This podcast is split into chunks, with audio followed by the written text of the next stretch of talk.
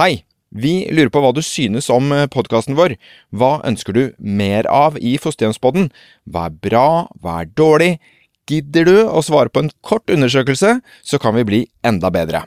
Undersøkelsen finner du på frelsesarmeen.no fosterhjem, eller trykk på lenken i episodebeskrivelsen i podkastappen din. Tusen takk. Nå til episoden.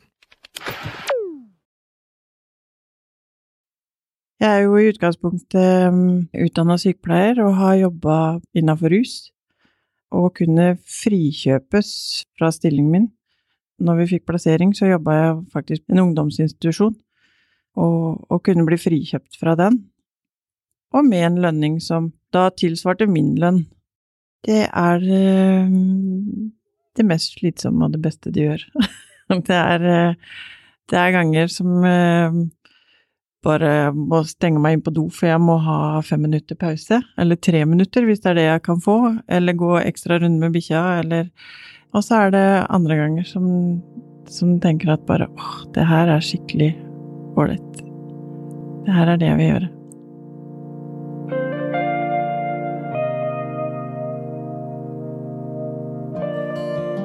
Har det alltid vært sånn?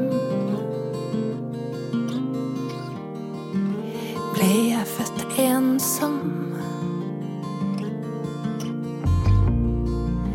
Lå det aldri i kortene for meg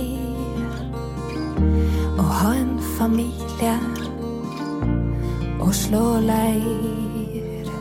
I denne episoden av eh, Fosterhjemspodden så skal vi snakke om eh, rammene rundt eh, det å være fosterhjem. Eh, mange som lurer på om de eh, må slutte i jobben, om de får eh, lønn, om de får pensjonsrettigheter, feriepenger Det er mange spørsmål. Og i den anledning så har jeg invitert fosterhjemskoordinator Nina. Ja. Hei på hei, deg. Hei. Og fosterhjemsmor Linn. Hei, hei. Og som i andre episoder av denne podkasten, så har vi valgt å anonymisere deg som fosterhjemsmor, så Linn er eh, ditt uh, nye navn for anledningen. Ja. da kan vi starte å snakke litt om uh, uh, deg, Linn, og hvordan kom du inn i Frelsesarmeen, og hvordan fant du, fant du, ut at du ville bli fostermor? Oi, da begynner vi på en lang historie med en gang. til å begynne med så um, satt eh, jeg og samboeren i bilen og hørte på, på radio, og da kom det opp eh, en reklame for eh, om eh, at de trengte fosterhjem. Eh, det var ikke Frelsesarmeen, det var noen andre, men det fikk tankeprosessen i gang. Og så var det via bekjente at vi kom eh, inn på Frelsesarmeen, andre som også ville bli fosterfamilier. Og så tok vi kontakt med Jeg Sendte en mail til Frelsesarmeen, bare for å få litt generell informasjon. Og før jeg visste ordet av det, så satt dere ved kjøkkenbordet. eh, og med masse informasjon. Masse god informasjon, så vi var veldig Ja, så vi blei veldig interessert. Men det var likevel en lang prosess fra, fra den bilturen og til vi satt med barn. Hva var viktig for deg når du uh, gjennomgikk alt dette? Uh, apropos rammer, da. Hva, hva, var viktig at kunne være på plass?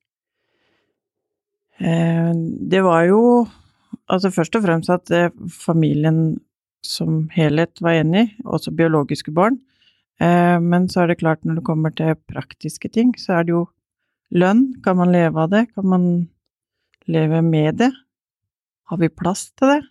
Hva, hva kreves? Av oss. Um, ja.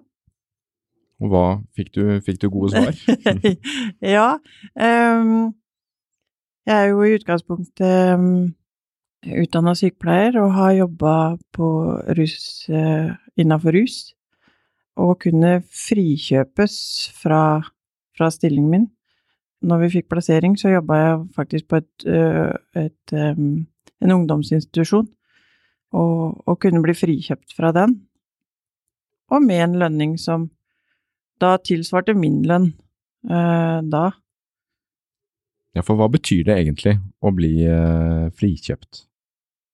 Eh, det betyr, betyr, jo at du kan være hjemme og jobbe med fosterbarn, med fosterhjem, Eh, For det er, det er en jobb, og det, det betyr at du kan gjøre den innsatsen som det kreves. Og dette med lønn, eh, Nina, du som er fosterhjemskoordinator og møter disse Mm. spørsmålene ofte. Hva er det folk lurer på? De lurer jo på om eh, dette er noe de kan eh, leve av, da. I dag så har jo folk De har lån, og de har forpliktelser. Hele familien skal jo være enig i det her. De skal jo kunne ha forutsigbarhet og trygghet rundt det. Eh, Vi tenker jo at dette er en så viktig jobb at eh, Og hos oss så er det jo et eh, krav at én skal være hjemme og ha det som sin jobb, da. Og da må vi jo godtgjøre det sånn at det er mulig. Så har vi jo en stige i forhold til eh, hvor man eh, godtgjør ut ifra hva man har av utdanning og erfaring. Og sånn som da med Linn, som eh, er utdannet sykepleier og har da mye erfaring med det her med å jobbe med mennesker og mennesker i krise, så er det viktig at hun får godtgjøring ut ifra den utdannelsen hun har, da.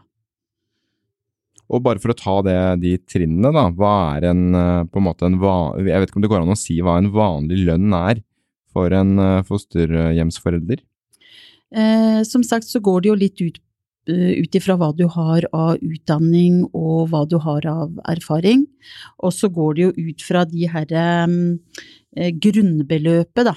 Og da begynner det på 4,7 G eh, opp til 5,4 G. Og så blir det mm, på en måte ut ifra hva du har av erfaring og utdanning, da. Og 1 G er da altså et sånt grunnbeløp som tilsvarer noe sånt som 110 000 kroner, eller eh, Ja. Eh, og så blir jo den justert hvert år. mm. Sånn at eh, lønna blir jo også justert ut fra grunnbeløpet, da. Når grunnbeløpet som blir justert hvert år, så blir jo også lønna til fosterforeldrene justert ut fra det. Ja, så fosterhjemsforeldre har også lønnsoppgjør, kan man si. Ja, Ja. Mm. men så har de jo også, i tillegg til lønna si, så får de jo en utgiftsdekning. Og den utgiftsdekninga, den er jo skattefri. Og hva betyr utgiftsdekning? Eh, det er jo en sum som også er litt rangert ut fra alder på barnet. Eh, nå er den vel fra eh, For den begynner jo på null år og opp til 18.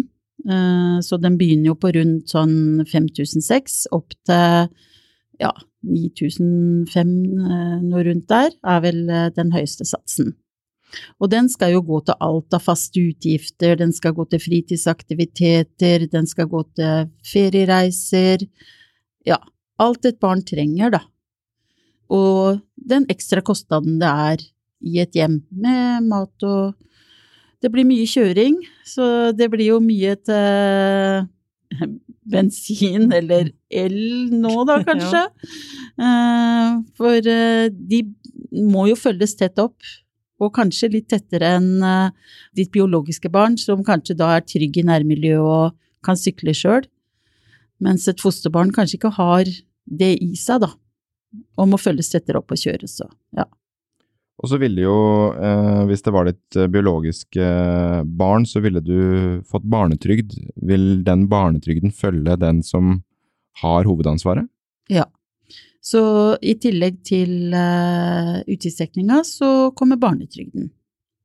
Og den også Tidligere så var det jo sånn at den skulle settes på en, en sperra konto.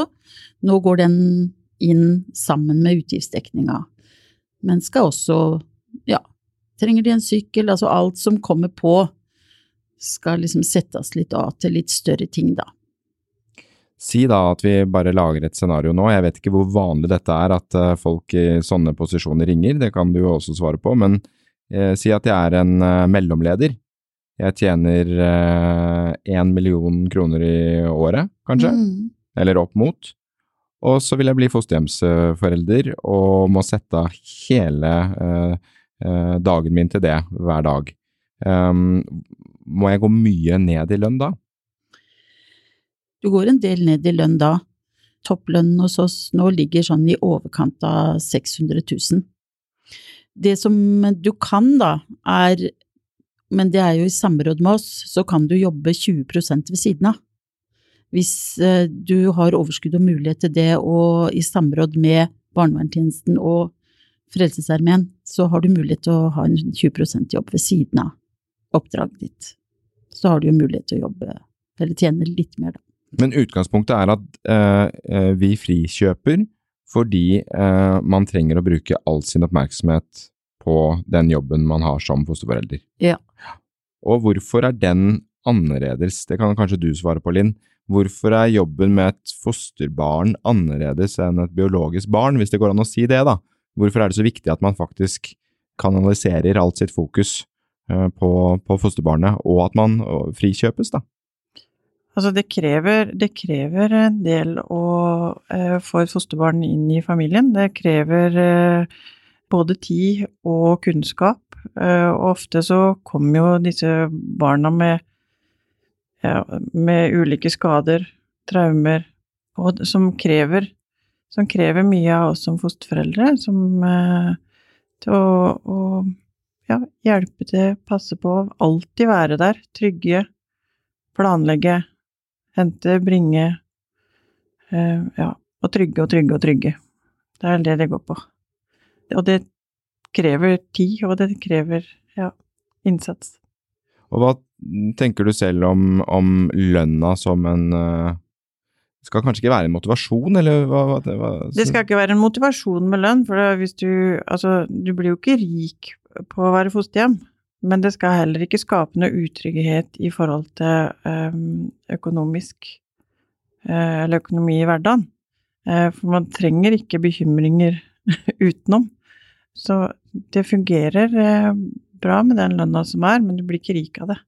Og hva gjorde du, eh, Linn, eh, da du Hvor lenge er det siden du, du ble frikjøpt første gang? Um, I 2017. Mm. Ja. Ja. Sluttet du da i jobben din? Ja, jeg gjorde det. Ja.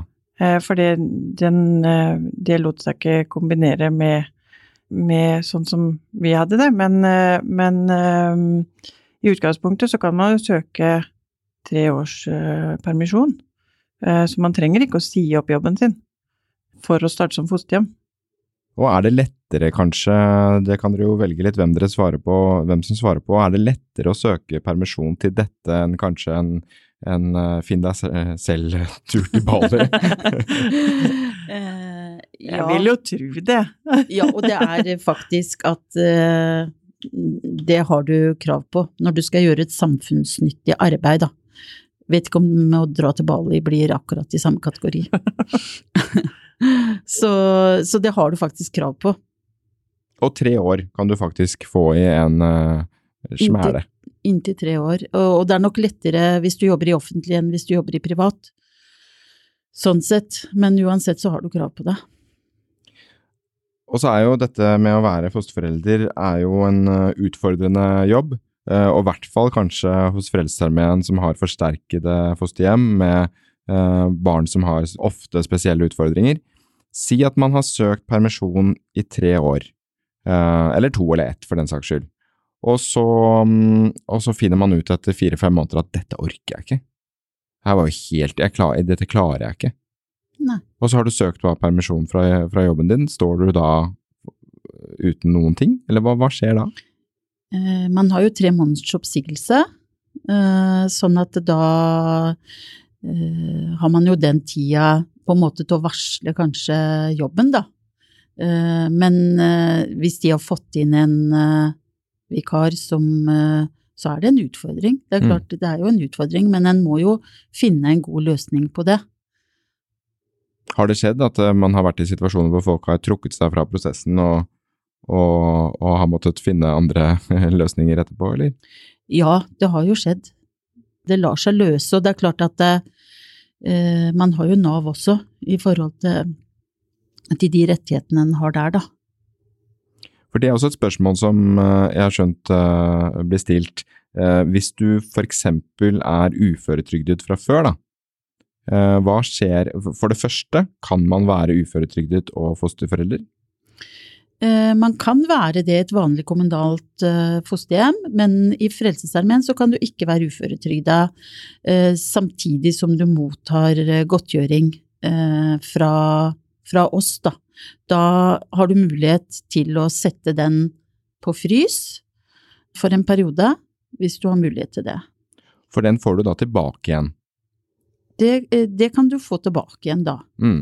Eh, Men det er jo, et av kravene våre er jo at du skal ha helse til dette her også, så da kommer det jo veldig an på hva som er bakgrunnen for uføretrygden din, da, om den er forenlig med en 100% jobb som dette er, da.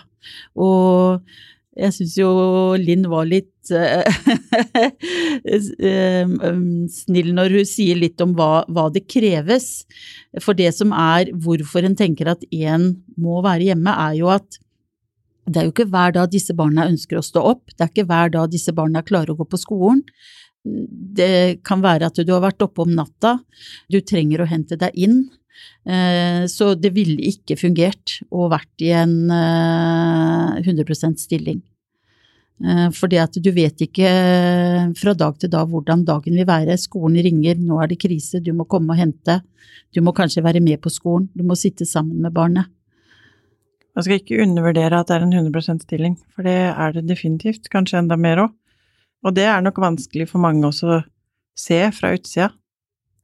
Eh, Jeg fikk noen, noen spørsmål til å begynne med om ikke jeg skulle bruke utdannelsen min til noe ordentlig, om ikke jeg skulle ha en ordentlig jobb, og sånne ting. Og da blir jeg ganske sur. Da Det er ikke lov å, å tenke sånn engang, for det er en det er en ordentlig jobb. Kanskje en av de viktigste vi har. Eh, og det er godt og vel 100 stilling. Når du får de tilbakemeldingene der, hvordan reagerer du på de, eller hva, hva svarer du da?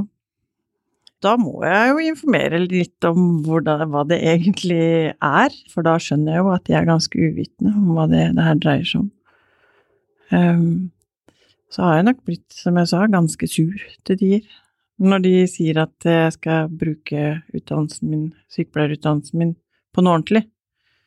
Um, for jeg tenker at det her er det mest ordentlige jeg kan bruke den på. Hva er det som eh, gjør at du tenker sånn? Det er jo det at det er Altså, kan jo ikke gjøre noe mer viktig her i livet enn å, å, å hjelpe et barn videre. Um, både for Først og fremst for barnet sjøl, men også for samfunnet også. Og det er jo et eh, stort behov Mm. for eh, sånne som deg. Og da er det jo dumt også, Nina, at uh, kanskje noen tenker litt sånn. At dette er en litt sånn dum måte å bruke utdannelsen din på, Mm. eller eh, og ja, en sånn lettvint måte å få penger for å bare gå hjemme. Mm. Eh, det er kanskje en, et holdningsarbeid her man må jobbe med, eller? Ja, det er jeg helt uh, enig med deg i. At uh, det, er, det er viktig at man ser nytteverdien da, av, av god omsorg for barn som, som har blitt så krenka og skada. Eh, og som du sier, det her med samfunns... Altså, man tjener jo på det samfunnsmessig også. Eh, At barn får en ny start og mulighet til å kunne klare seg selv i livet, da. At ikke barndom varer generasjoner, som vi sier. Mm. Mm. Så har det jo, eh, jeg har i hvert fall inntrykk av at det skjedde et eller annet under pandemien som gjorde at vi ble litt mer opptatt av det rolige eh, liv og, og det å være hjemme og så behageligheten av det. Er det også et sånn innsalgspunkt til å bli fosterhjemsforelder, at du kan eh, være, følge opp eh, Du kan jo følge opp de andre barna dine også, hvis du har det hjemme. Er det noen andre sånne positive eh, effekter her? Ja, det hører vi jo ofte, at barn, altså biologiske barn, setter også pris på den at faktisk eh, så om det er mamma eller pappa som da er hjemme når de kommer fra skolen, da, og at du eh, kan sette alle rundt bordet og hjelpe med lekser og eh, så, så sånn sett så blir det jo vinn-vinn. Mm. Men, men det er jo ikke alle dager som er sånne, men, men det, er, det er mye fordeler med det også. Og um, vi har jo vært inne på lønn nå. Eh, vi var så vidt innom dette med uføretrygd. er det ellers, eh, Linn, er det som når du har vært i det vanlige arbeidslivet, hvis det går, går, går an å kalle det det, og så ser jeg at du blir sint igjen nå, for da er det sånn, det er vanlig men, men er, det, er det en vanlig jobb på andre måter også? Altså du, hvis du hadde jobbet videre i jobben din, så hadde du jo opptjent noen pensjonsrettigheter og sånne type ting. Er det som om du hadde den andre jobben? På de Eh, tingene? Ja, I forhold til pensjons... eh, Så, eh, så får vi utbetalt 6 av lønna hver måned, så det må vi da sette av sjøl. så men vi får det Det er forskjellen, da, at vi får det utbetalt på en måte på hver lønn. Men det står jo spesifisert hva, hva den trenger å sette av. Mm. Så sånn sett så er det Og feriepenger, ja.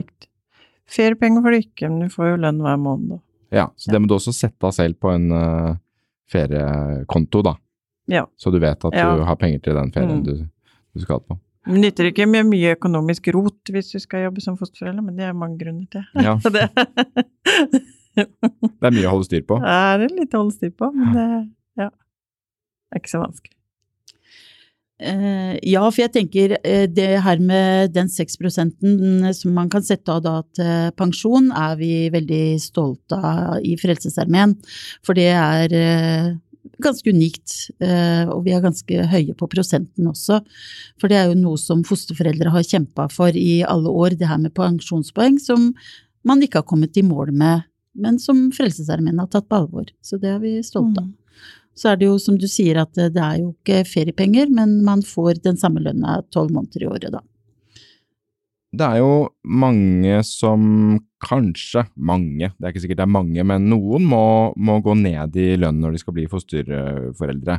Um, kan dere si litt om hva som man får igjen ved å gå ned i lønn? Si at du går ned 100 000 kroner i lønn da, for å bli fosterforeldre. Hvorfor skal man gidde det? For å si det sånn i en travel hverdag da, eh, så ved at man kan jobbe hjemmefra, så kan man kanskje lage litt mat fra bånn av, som blir billigere enn å i en travel familie må ta en del takeaway, for å si det sånn. Altså man, eh, og litt sånn som eh, Linn sier i forhold til det her med å måtte ha litt orden på økonomien, så har man mulighet til å eh, kanskje planlegge litt, da. Og eh, ja, at, at det kan eh, veie litt opp, rett og slett. Så var du også litt inne på dette, Linn, at ehm, det er et slags verdivalg dette også. Mm, Eh, absolutt. Altså, jeg tenker hvis, hvis, den, hvis de 100 000 vippa lasset på at ikke du vil bli fosterfamilie, så må du la det være. Det tenker jeg. Og hvis man kan si hva man får igjen. Men hvis man tenker at det, det er det verdt, fordi jobben gir så mye mer, eh, så tenker jeg absolutt at da er du på rett vei.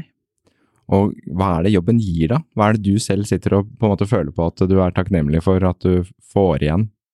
Ja, det, er jo, det er jo aldri en dag som er lik. Det høres jo kanskje litt sånn ut når du øh, på en måte er mye hjemme, men, eh, eh, men det er aldri en dag som er lik. Det er alltid noen utfordringer. Eh, du har mulighet til å kunne gi både fosterbarnet og, og resten av familien mye mer tid. Jeg føler meg mye mer til stede. Altså, det er klart så krever det jo en del også av hele familien, selvfølgelig, så det er noe som eh, det er noen krav her også, men, eh, men jeg syns at jeg får veldig mye, og jeg har fått I tillegg så har jeg fått eh, nye kollegaer, eh, som også er kanskje mer venner enn kollegaer. Vi har veldig, vi har veldig mye likheter. Mye eh, av livet, livet er jo veldig like på, på det når du har, er en fosterfamilie. Ja, hva, hva, hvordan fungerer disse kollegatreffene? Eh, vi har jo Altså til å begynne med så begynte vi jo med, med mm, gruppeveiledning en gang i måneden, eh, alle sammen.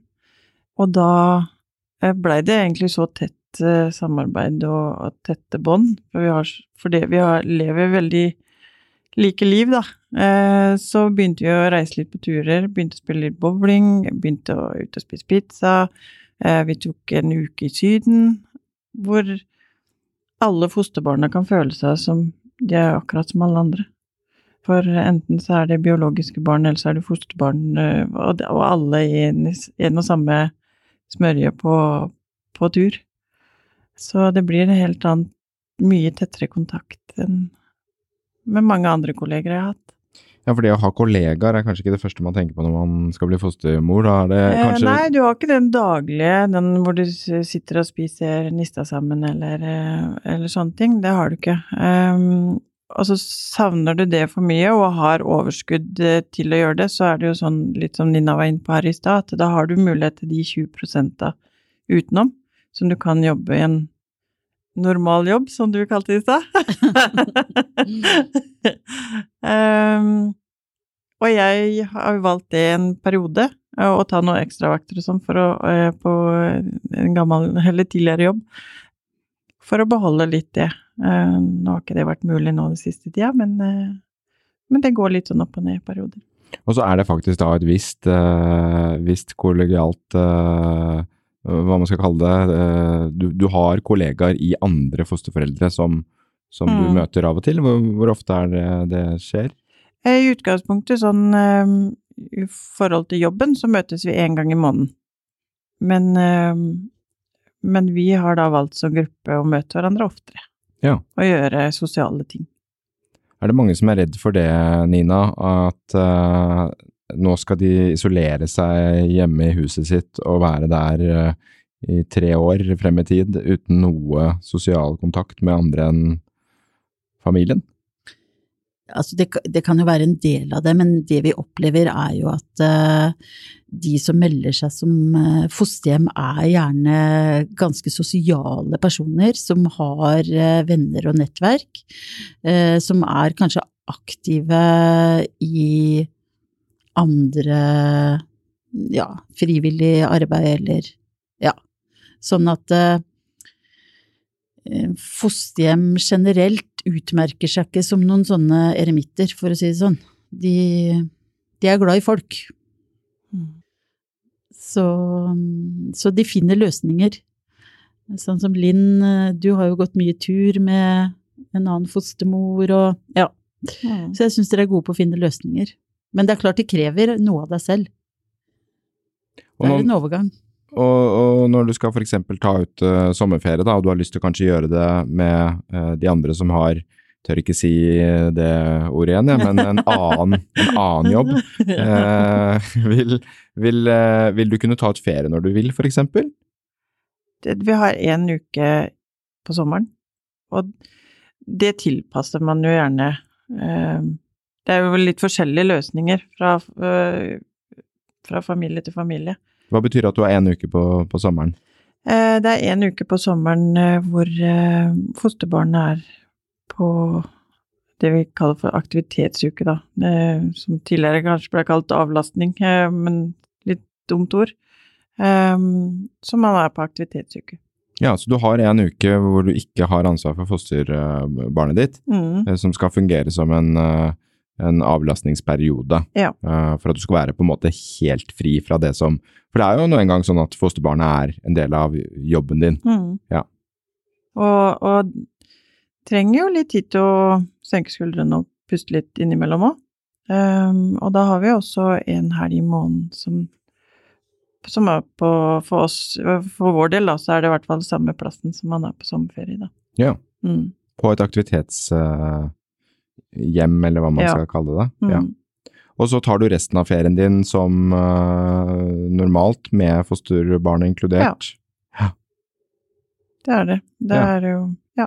Som om biologiske barn. Jeg er jo med på ferie og finner på ting og Ja. Er, er, kan man også da ta, i og med at på en måte uh, fosterbarnet ditt også er jobben din, uh, så må jo det selvfølgelig gå på det det skal av skole og sånn, men kan man ta mer ferie enn normalt? Altså uh, si at når sommeren kommer da, og barnet går på skole og har lærefri, så er det jo mange som har en utfordring med å få det til å gå i hop med den femukersferien man har. mm. Er det også et pluss? At, har man noen muligheter til å faktisk ha den, kall det læreferie da, men, men da tar du med deg Ja, altså du er jo hjemme hele ferien, Mm. eh, for å si det sånn, eller har mulighet til den friheten.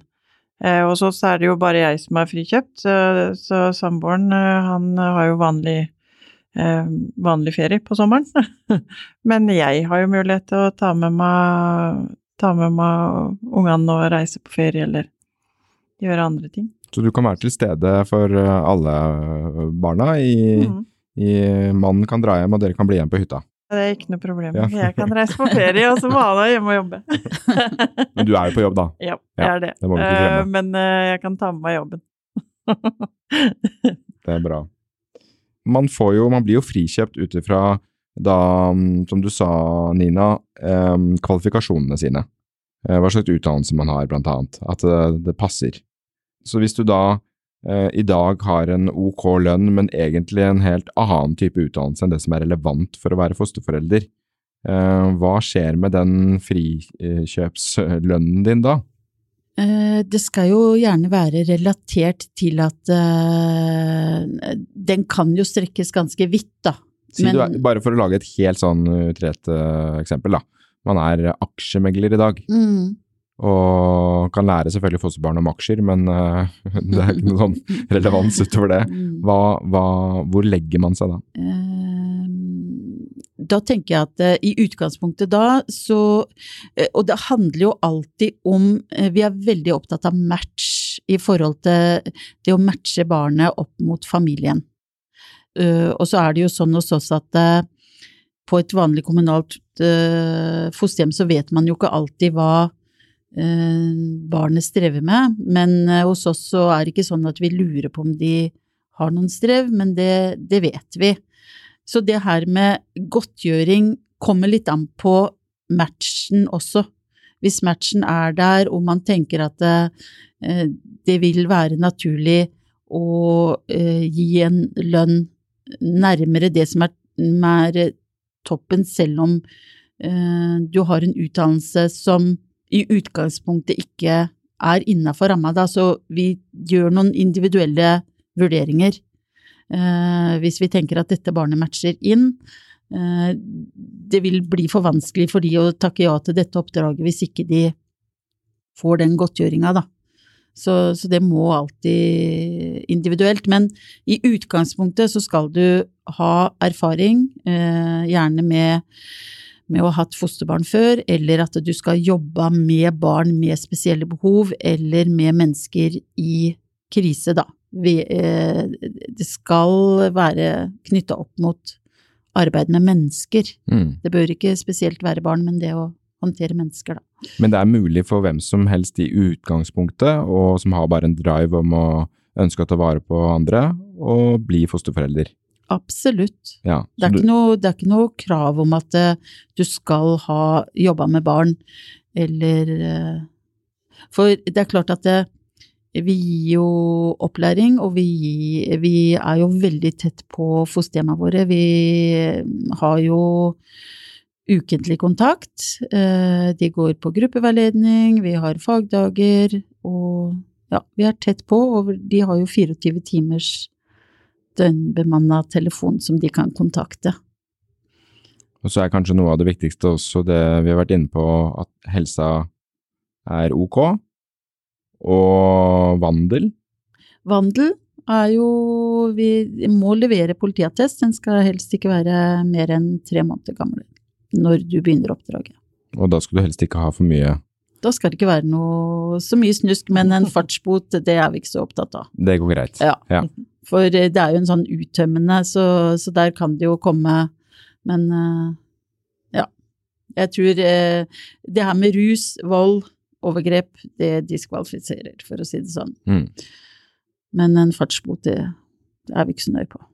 Hvis man skulle ønske å, å, å bli frikjøpt, men man tenker at det er for krevende oppgave, så man ønsker i utgangspunktet å ha avlastning eller dele oppdraget, hva slags muligheter er det for det eventuelt med ektefelle eller med andre familier eller Eh, vi er jo nå inne, liksom, altså det her er jo det her med det her med å være fosterhjem og det å ta på seg et så eh, stort oppdrag, da. Og sånn som familiene er nå, på en måte Det er jo helt annerledes. Altså det justerer seg jo hele tida. Og så ser vi jo at barna har kanskje større og større smerteuttrykk, som vi kaller det. Og og, vansker, diagnoser, så kan det være at det er en for stor oppgave for én familie alene. Og da må Da snuser vi nå på det her med å eh, ha en todelt base, da.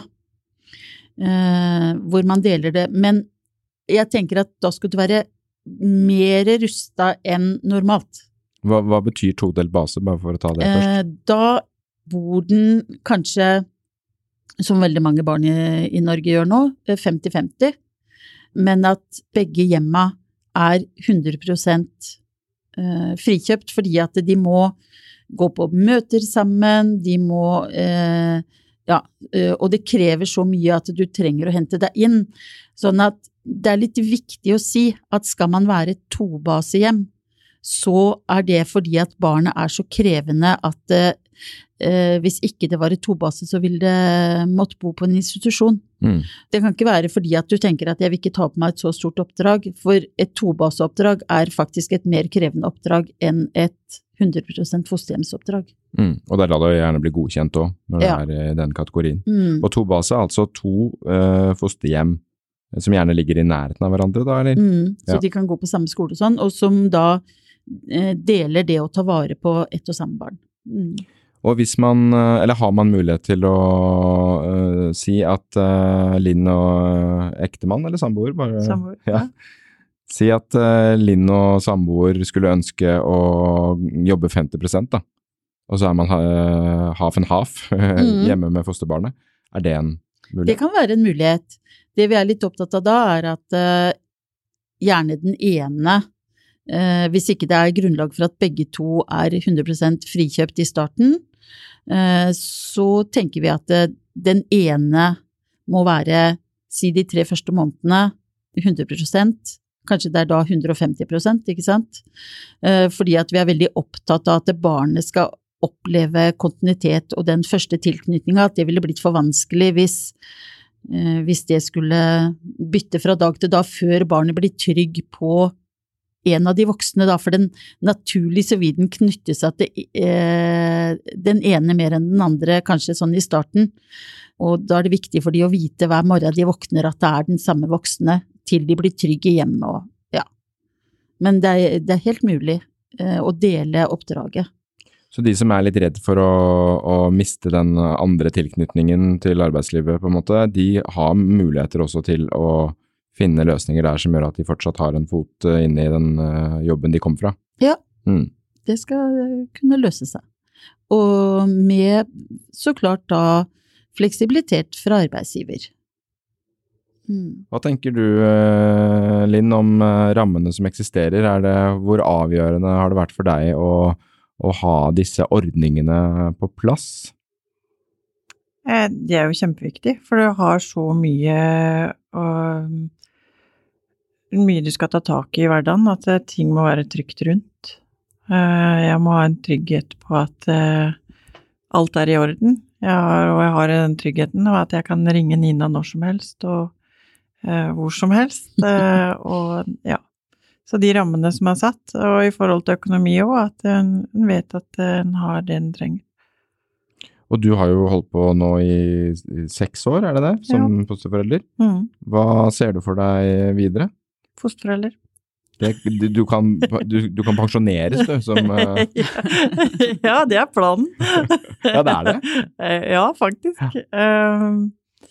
Sånn som eh, ting er nå, så har jeg um, absolutt ikke lyst til å bytte beite. Det her eh, det, det trives vi med, og det syns vi er Ja, det er en jobb som gir mye mer enn eh, mange andre jobber, syns vi.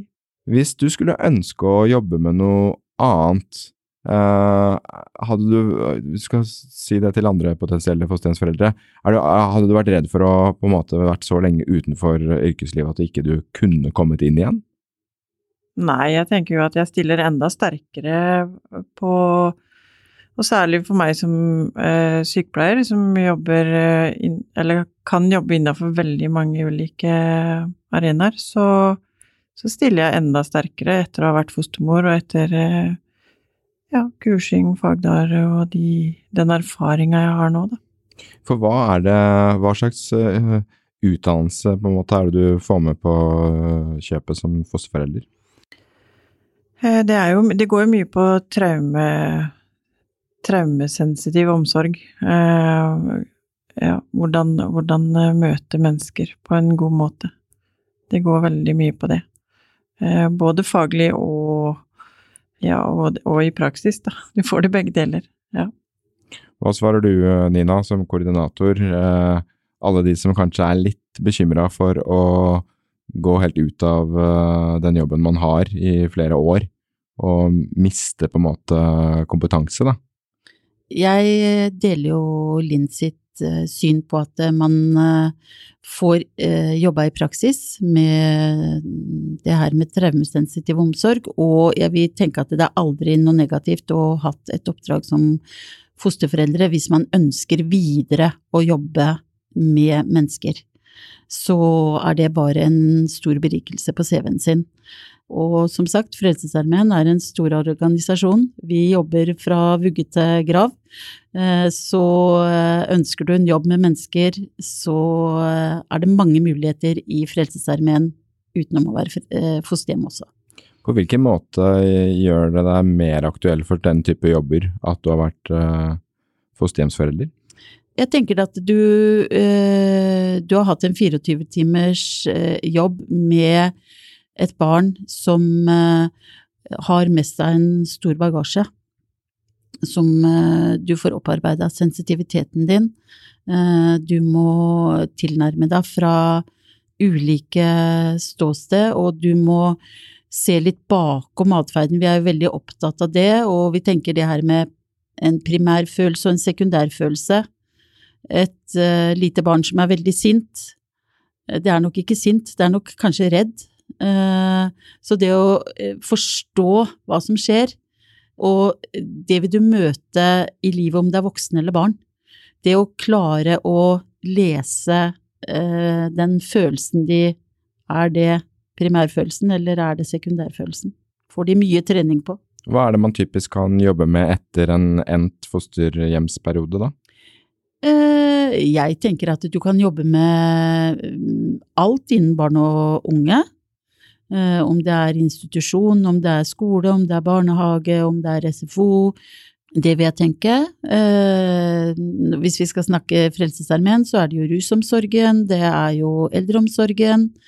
Ja, jeg tenker alt som har med eh, mennesker som har vært ute for ting som har krenka de og gitt de et dårligere utgangspunkt i livet. Så vi, noen som har vært fosterforeldre, har erfaringer som er berikende i en sånn type jobb. Så her er det mange muligheter før man til slutt, eh, som vi sier i Frelsesarm- Frelsesarmeen, blir forfremmet til eh, herligheten. Ikke sant? Ja, hva er det som har truffet deg sånn, som gjør at du allerede nå kan si at eh, her skal jeg fortsette? Nei, det er jo alle, alle de tinga som egentlig er oppsummert, eh, både utfordringer og, og goder som får ut av det her, eh, og det at, hva det gir. Og det er klart at når jeg valgte å, å utdanne meg som sykepleier, så var det jo en jobb eh, hvor jeg jobber med mennesker som jeg tenker at eh, det var det som lå til grunn.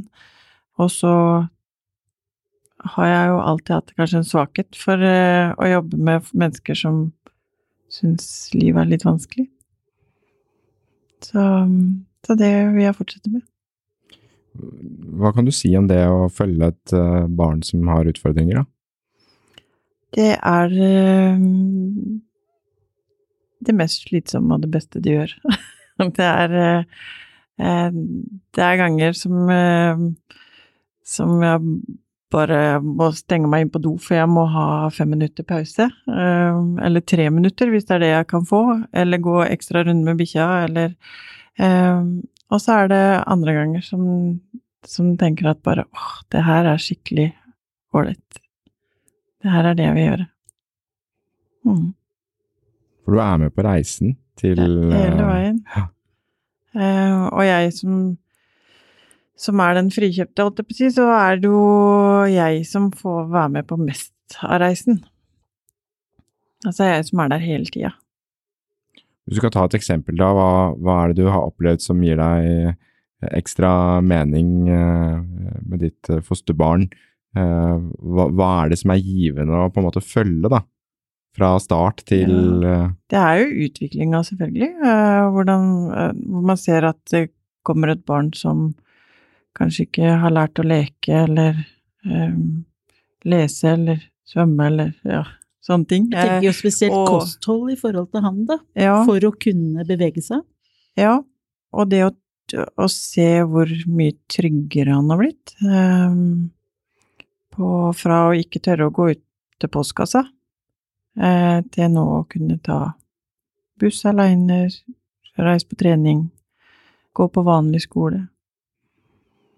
Som ikke, som ikke har vært en selvfølge i det hele tatt. Å se den utviklinga, det er jo stort. Og at du er medvirkende i den. Ja. Det var det jeg hadde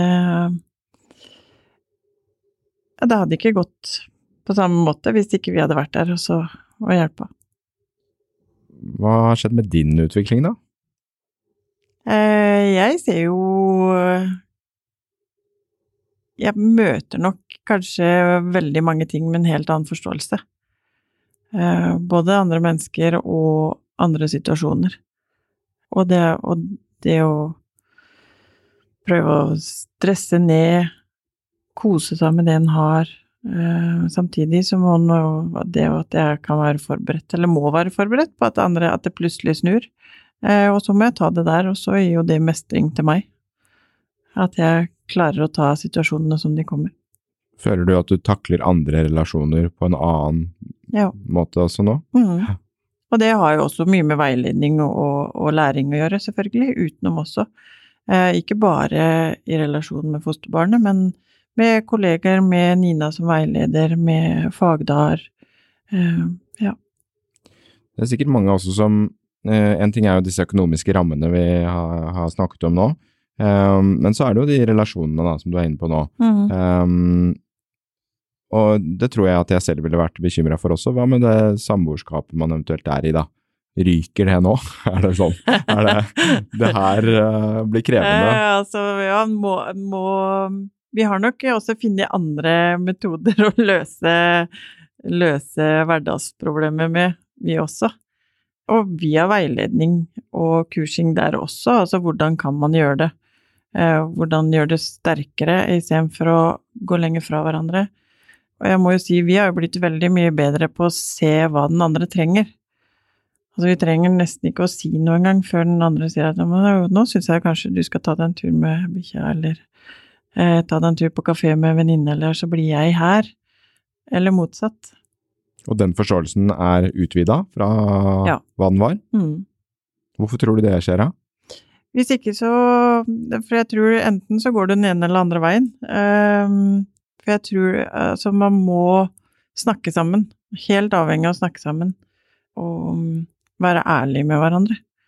For hvis ikke så, så ryker det på et eller annet eh, tidspunkt. Ikke nødvendigvis forholdet, men situasjonen går, går ikke i riktig retning. Og det tror jeg er kjempeviktig, at, eh, at en kan bare sette seg ned og prate sammen. Eh, Det som jeg ser da, er jo at eh, de barna som eh, dere får inn i hjemmet, de er jo ekstremt gode på å lese situasjoner, svingninger, følelser, sånn at fosterforeldre blir veldig vare på å lese barna, Mm. og ved å bruke veldig mye tid på å lese barnet, så blir man også flinkere på å lese de rundt seg. Eh, Så det som du snakker om, den derre utvikla eller utvida eh, til det å se hverandre, tror jeg kommer ganske naturlig, for du bruker så mye energi på å lese hvor er barnet i dag, hva trenger det nå, Mm. og at det, barnet leser deg, så du må liksom eh, Du kan ikke fake noe i møte med et fosterbarn. Der blir du avslørt. Mm. Hvis vi skal eh, avslutte med å si noe til alle som der ute som kanskje tenker litt at de har lyst til å bli fosterforeldre, men de er liksom bekymra for eh, at, at det ikke er ordninger, og, og de må sette altfor mye eh, ting til side og, og sånn. Går det an å berolige det? Går det an å si at ting At du, dette er en jobb, som Ja. alle andre. Jeg, jeg syns jo det, for, for min del, så kan jeg absolutt uh, si ja på det. Og at de, hvis det er ting lurer på, og ting tenker på, og sånne ting, så er det bedre å, å ta kontakt med for eksempel Nina. Gjør sånn som jeg, send en mail, eh, så får du jo svar, og du får de alt du lurer på. Og skulle de ønske å prate med fosterforeldre, så stiller jeg gjerne opp til det òg. Det kan jo det kan jo kanskje være også en, en god ting å snakke med noen som lever med det hver dag. At det er også ting lurer på der. Ja, hva tenker du, eh, Nina? Hva sier du til de som sitter og lurer? Nei, jeg syns jo det er godt å høre at eh, fosterhjem i vårt tiltak opplever at de blir godt tatt vare på. At de får en godtgjøring som de kan leve av. Så er jo vi Frelsesarmeen, som er en ideell organisasjon, stolte av at eh, eventuelt overskudd det går tilbake igjen til eh, arbeid med barn og unge. Eh, Så, så, og at de også får denne 6% som de da ikke mister noe pensjon ved å ta på seg et sånt oppdrag. Så her får du en lønn å leve av, pensjonsrettighetene dine eh, består, og du kan være litt ekstra på, på hytta eh, om sommerferien. Ja. det er verdt å ta med seg, det. Hva venter, du, hva venter du på, kan man si da? Ja, ja. Så glemte vi det med mening, da. Som kanskje er for veldig Ja. mange det absolutt viktigste. Og jeg tror ikke man skal være så redd for å Redd for å um, ta kontakt, i hvert fall. Det er ikke så skummelt som mange tenker. Eh, ja, det er en jobb med mye utfordringer, men det er en jobb med mange goder, og det er eh, det, Ja, jeg tror ikke man skal være så redd for å gjøre det. Og du vil jo da, Linn, pensjoneres som eh, fostermor. ja, forhåpentligvis. Lykke til med det. Takk. Det er Det er noen år til det, da. ja. Takk for at dere kom eh, begge to. Og så gleder jeg meg til å kunne sitte med deg her når du er eh, 70 og er på ditt siste uh, år. Og det er jo fullt mulig, og det helsa er god, eller? Ja, det er fullt mulig. Tusen takk for at dere kom begge to. Og så ønsker jeg deg eh, lykke til, eh, Linn, med mange flere år som eh, fostermor. Og Nina, du står der bi, du. 24-7. Ja, jeg er sikkert gått an når hun er på 70, men, men da er det noen andre som overtar. Takk skal dere ha.